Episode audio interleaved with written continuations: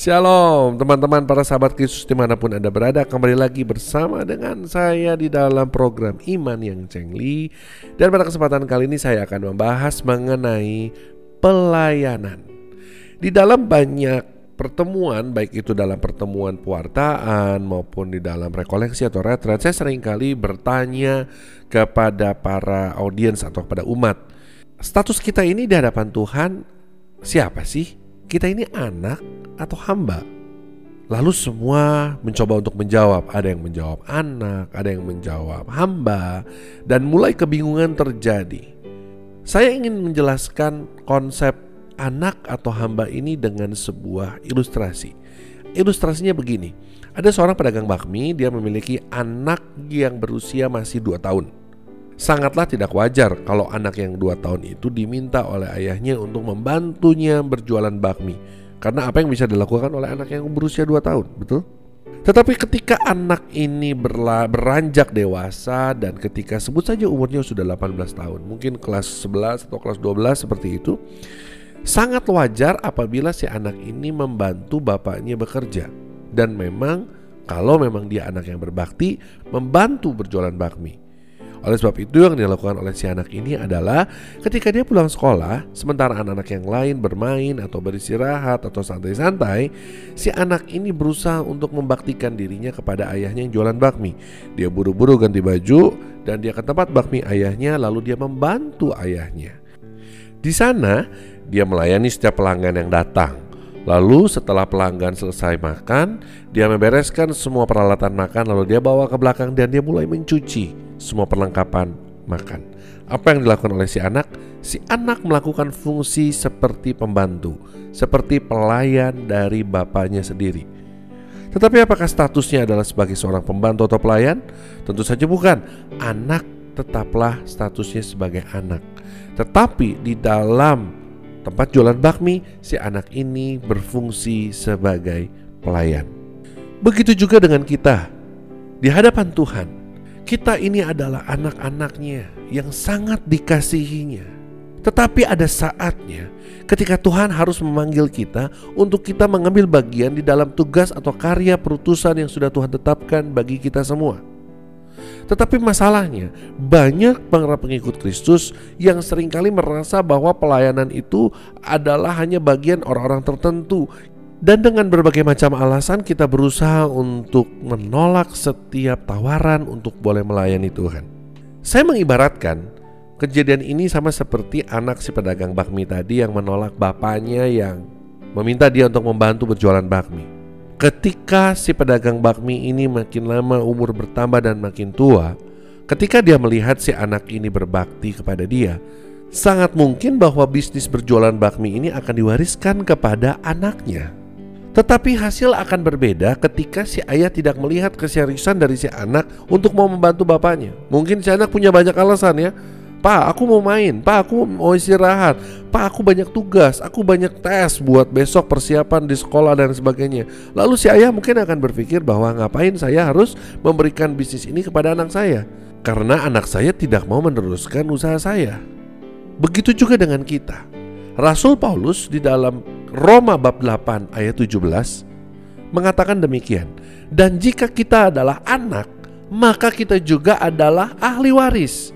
Maksudnya, orang-orang yang berhak menerima janji-janji Allah yang akan menerimanya bersama-sama dengan Kristus, yaitu jika kita menderita bersama-sama dengan Dia, supaya kita juga dipermuliakan bersama-sama dengan Dia.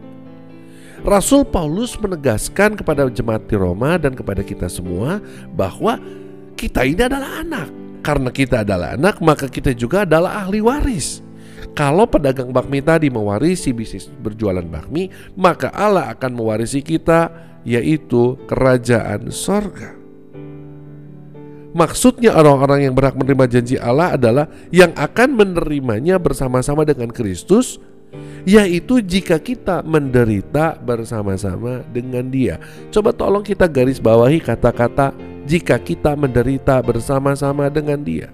Yesus mau mengajak kita semua, yuk kita mulai melanjutkan, kita mulai sadar, pakai dong logika iman kita bahwa Anda dan saya ini kita semua dipanggil untuk ikut terlibat di dalam karya pelayanan, karya perutusan yang sudah Tuhan siapkan bagi pribadi kita masing-masing, seturut dengan talenta yang sudah Tuhan berikan kepada kita.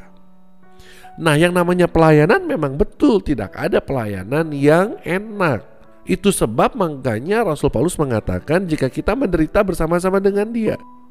Oleh sebab itu para sahabat Kristus mari kita lihat ini semua merupakan suatu rahmat ketika Anda dan saya diberikan suatu kesempatan untuk melayani.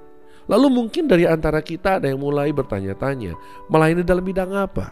Jangan pernah kita mengkerdilkan setiap anugerah Tuhan yang sudah Tuhan berikan kepada kita. Mari kita lihat bahwa Tuhan memanggil kita dengan segenap keberadaan kita, dengan segenap talenta, baik itu mau punya talenta satu, mau punya talenta dua, mau punya talenta lima. Kita memiliki suatu pertanggungjawaban kepada Tuhan untuk mau melayani Dia.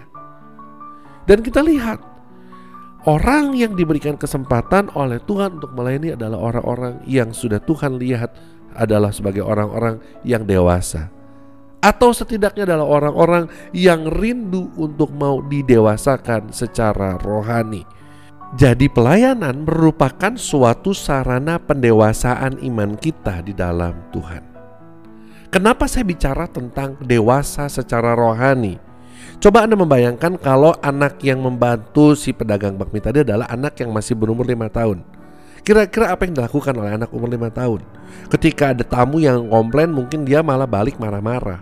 Ketika dia disuruh untuk menyuci piring malah mungkin piringnya dibikin pecah inilah yang sering kali terjadi. Kekacauan sering kali terjadi dalam gereja. Kekacauan sering kali terjadi dalam pelayanan. Kenapa? Karena banyak orang-orang yang melayani di dalam pelayanan adalah orang-orang yang belum dewasa secara rohani, belum sadar terhadap panggilan kedewasaan di dalam hidup rohaninya dan masih banyak orang yang melayani Tuhan dengan gaya kanak-kanak. Sangat kekanak-kanakan. Oleh sebab itu, mari kita berlogika. Mari kita sadar bahwa hidup ini adalah untuk melayani Tuhan. Dan untuk dapat melayani Tuhan dengan baik dibutuhkan orang-orang yang dewasa. Kenapa harus orang yang dewasa secara rohani? Karena memang pada ujung-ujungnya Tuhan rindu kita semua dewasa secara rohani. Mari kita lihat intip dulu bagaimana kondisi surga yang dikatakan oleh Yohanes dalam kitab Wahyu bab 19 ayat 7 sampai ayat 10. Marilah kita bersuka cita dan bersorak-sorai dan memuliakan dia karena hari perkawinan anak domba telah tiba dan pengantinnya telah siap sedia. Dan kepadanya dikaruniakan supaya memakai kain lenan halus yang berkilau-kilauan dan yang putih bersih. Lenan halus itu adalah perbuatan-perbuatan yang benar dari orang-orang kudus. Lalu ia berkata kepadaku, tuliskanlah berbahagialah mereka yang diundang ke perjamuan kawin anak domba. Katanya lagi kepadaku, perkataan ini adalah benar perkataan-perkataan dari Allah. Coba Anda lihat kitab Mazmur bab 19 ini berbicara tentang perkawinan anak domba bahwa dikatakan bicara tentang perjamuan abadi di surga, bicara tentang kerajaan Allah, bicara tentang surga itu adalah di mana suatu kondisi, suatu situasi di mana Yesus akan menjadi mempelai pria dan kita akan menjadi mempelai mempelainya Kristus. Kenapa pakai istilah perkawinan sih? Saya coba untuk merenungkan bahwa ternyata Tuhan menggunakan istilah perkawinan, Tuhan menggunakan istilah pengantin, itu ada suatu maksud dan tujuan. Orang baru bisa menjadi pengantin, orang baru boleh menikah, orang baru boleh menjadi mempelai kalau umurnya sudah cukup, betul? Dengan kata lain, kita harus mulai berpikir dengan logika. Suatu hari nanti ketika Tuhan memanggil kita kembali ke surga, kira-kira usia rohani kita berapa tahun? Jangan sampai kita nanti meninggal umur 70 atau 80 atau 90 tahun tetapi usia rohani kita masih lima tahun. Apakah anak umur lima tahun sudah cocok disebut sebagai pengantin atau mempelai? Mohon maaf kalau saya masih single sekalipun ada wanita cantik tapi masih berumur lima tahun mungkin saya akan bilang oh tidak pantas buat saya. Saya lebih baik mencari yang lebih de dewasa. Nah teman-teman para sahabat Kristus ini adalah merupakan suatu panggilan. Panggilan di mana Tuhan rindu suatu hari nanti kita semua Anda dan saya berbahagia bersama-sama dengan Allah di surga. Dan pelayanan adalah merupakan suatu wujud pendewasaan iman kita. Dan sekarang pertanyaannya, apakah Anda mau didewasakan oleh Tuhan? Apakah Anda mau mengambil bagian di dalam tugas karya perutusan yang sudah Tuhan berikan kepada Anda? Mari kita tanggapi setiap panggilan dan perutusan Tuhan di dalam hidup kita dengan segala peran apa pun yang sudah Tuhan titipkan kepada kita, yang sudah Tuhan berikan kepada kita, dan mari kita layani Tuhan. Melayani Tuhan bukan bicara Anda harus aktif dari Senin sampai hari Minggu di dalam gereja, tetapi bagaimana di dalam kehidupan Anda, peran apa pun yang Anda lakukan setiap hari, sama seperti yang tertulis di Kolose bab 3 ayat 23. Apa pun juga yang kamu perbuat, perbuatlah dengan segenap hatimu seperti untuk Tuhan dan bukan untuk manusia Inilah pelayanan yang sejatinya. Bagaimana Anda menghayati pekerjaan apa pun, hal apa pun yang Anda lakukan sebagai suatu pelayanan kepada Tuhan. Dan akhir kata, mari kita lanjutkan hidup kita. Mari kita terus melayani Tuhan dari hal yang kecil, dimulai dari diri kita sendiri, dan dimulai dari sekarang. Sampai jumpa di episode berikutnya. Mari kita terus beriman dan berlogika dengan iman yang cengli. Shalom.